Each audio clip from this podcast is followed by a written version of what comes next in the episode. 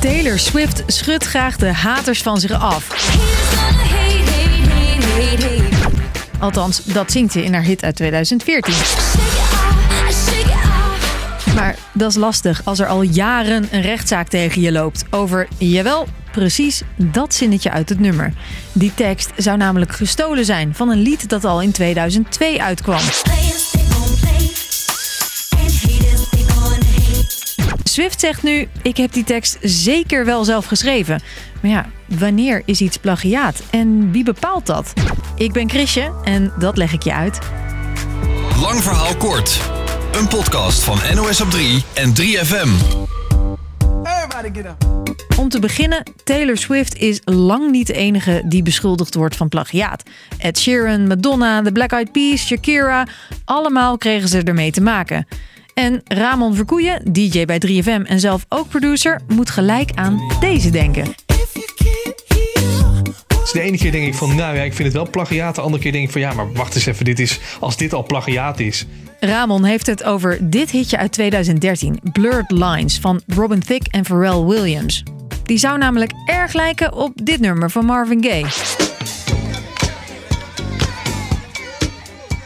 En het gaat dan vooral om het ritme wat je hoort en om de uh, uh, percussie en zo. Dat, dat komt onwijs overeen. En ja, dat is eigenlijk. Ja, ik, ik, ik vind dit best wel een soort van randje. Van ja, natuurlijk hoor ik uh, overeenkomsten. Maar ik heb toch nog steeds het idee dat die Robin Thicke zoveel zelf heeft toegevoegd. Samen met Pharrell heeft hij dat gemaakt. Dat hij zoveel zelf heeft toegevoegd dat ik denk van ja, maar het is niet een hit geworden. Doordat hij dit precies heeft nagemaakt, zeg maar. De familie van Marvin Gaye spande een rechtszaak aan. 25 miljoen wilden ze hebben van Robin Thicke en Pharrell Williams. En de rechter gaf de familie gelijk. Ze kregen geen 25 miljoen, maar toch een leuk zakcentje. 4 miljoen euro. En een ander voorbeeld. Dit nummer van Dua Lipa. Lijkt, nou ja, best wel op dit liedje van Article Sound System. Die lijkt wel heel erg. Die lijkt wel heel erg. Ja, ik, ik vrees dat Dua mag betalen. Even naar de theorie dan. Wat is plagiaat? Vraag ik aan Lilian Rosenberg. Zij werkt bij Buma Stemra, waar ze nummers op plagiaat toetsen. Eigenlijk komt er in het korte komt erop neer als, als een stuk muziek, een origineel stuk muziek, wordt overgenomen in een ander muziekwerk zonder dat daar toestemming uh, voor is verkregen van de oorspronkelijke rechthebbende. En het gevaar zit soms in een klein hoekje. Want ook een heel klein kort stukje, een, een aantal maten kan heel origineel zijn. Ja, en als je dat hebt overneemt, heb je daar toestemming voor nodig. Doe je dat niet, dan loop je het risico dat iemand jou beschuldigt van plagiaat. Daarom is Ramon extra voorzichtig als hij muziek maakt. Ja, nee, zeker. Ja, ja je, wil, je wil gewoon niet dat je ergens tegenaan loopt. En dat je dan achteraf je tijd aan het voldoen bent met het maken van een, van een liedje dat, uh, dat, ja, waar je niks aan gaat verdienen of waar je niks aan hebt. Als je in de studio zit en je hebt een referentietrack in je hoofd van hé, hey, dit vind ik een toffe track.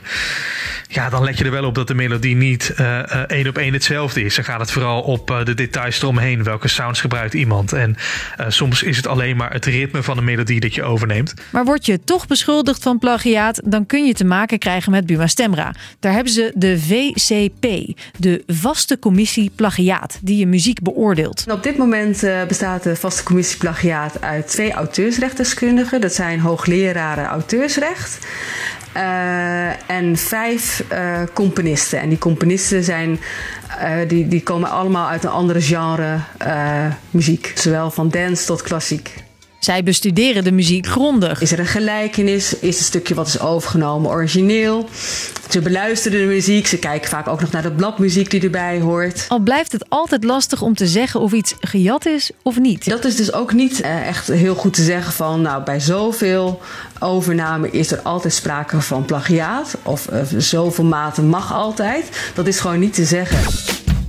Als het wel plagiaat blijkt te zijn, wat zijn dan de gevolgen? Nou, in de VS zijn er soms dus rechtszaken die jaren duren. Vliegen er miljoenen door de lucht. En dat heeft wellicht ook te maken met dat je in Amerika uh, ook veel meer uh, schade kunt claimen. Maar in Nederland gaan de zaken vaak anders. Sterker nog, vaak is er niet eens een rechtszaak. De twee artiesten gaan gewoon met elkaar om tafel zitten, zegt Lilian. Als ja, de andere partij toegeeft van ja, ik heb toch misschien iets te veel gebruikt, dan zal het gesprek toch gaan over hoe kunnen we ervoor zorgen dat de inkomsten eerlijk worden verdeeld. Of misschien vindt de, degene, de, de klager wel dat al het geld naar hem moet gaan. Ik denk wel dat de meeste zaken worden in goed overleg komt tot, tot een, een oplossing. En start iemand toch een rechtszaak, dan zal de rechter altijd wel het oordeel van Lilians commissie meenemen, omdat er door deskundigen grondig naar is gekeken. Hoe het met Taylor Swift afloopt en of ze de claim van zich af kan schudden, dat moet nog blijken. Dus, lang verhaal kort. Artiesten worden vaak beschuldigd van plagiaat. In Nederland leidt dat zelden tot rechtszaken. Een commissie met experts doet een oordeel waarna artiesten het vaak samen oplossen. Maar in de VS loopt het soms uit tot jarenlange rechtszaken met miljoenen euro's aan schadevergoeding tot gevolg. Was hem voor vandaag? Morgen rond 5 dan zijn we er weer met een gloednieuwe podcast met unieke content die je nergens anders hoort. Doeg!